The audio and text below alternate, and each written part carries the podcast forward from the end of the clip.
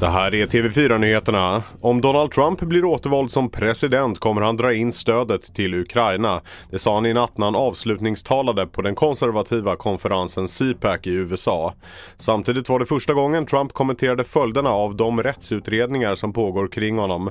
TV4-nyheternas USA-korrespondent Thomas Kvarnkullen är på plats i Cleveland, Ohio.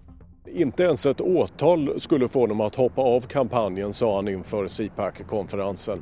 Han gick inte särskilt hårt åt sina tänkbara republikanska motståndare inför primärvalskampanjen. Men det kommer att förändras. De flesta här i USA räknar med en hård och bitter kamp om att bli republikanernas nästa presidentkandidat. Världens största armé och flotta fortsätter att växa för 29 året i rad. Kina ska spendera motsvarande 2300 miljarder kronor på militären 2023. En ökning av försvarsbudgeten med 7,2 procent. Siffrorna bleknar dock gentemot USA som spenderar det dubbla. Och nu klockan åtta gick starten för årets upplaga av Vasaloppet. Nästan 16 000 åkare är på väg från Berga by i Sälen till målet vid Klockstapeln i Mora. Årets lopp är det 99 i ordningen. Mitt namn är Felix Bovendal och mer nyheter hittar du på tv4.se och i appen.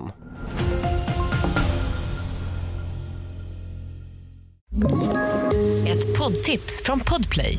I fallen jag aldrig glömmer djupdyker Hasse Aro i arbetet bakom några av Sveriges mest uppseendeväckande brottsutredningar. Går vi in med hemlig telefonavlyssning och, och då upplever vi att vi får en total förändring av hans beteende. Vad är det som händer nu? Vem är det som läcker? Och så säger han att jag är kriminell, jag har varit kriminell i hela mitt liv men att mörda ett barn, där går min gräns. Nya säsongen av Fallen jag aldrig glömmer på Podplay.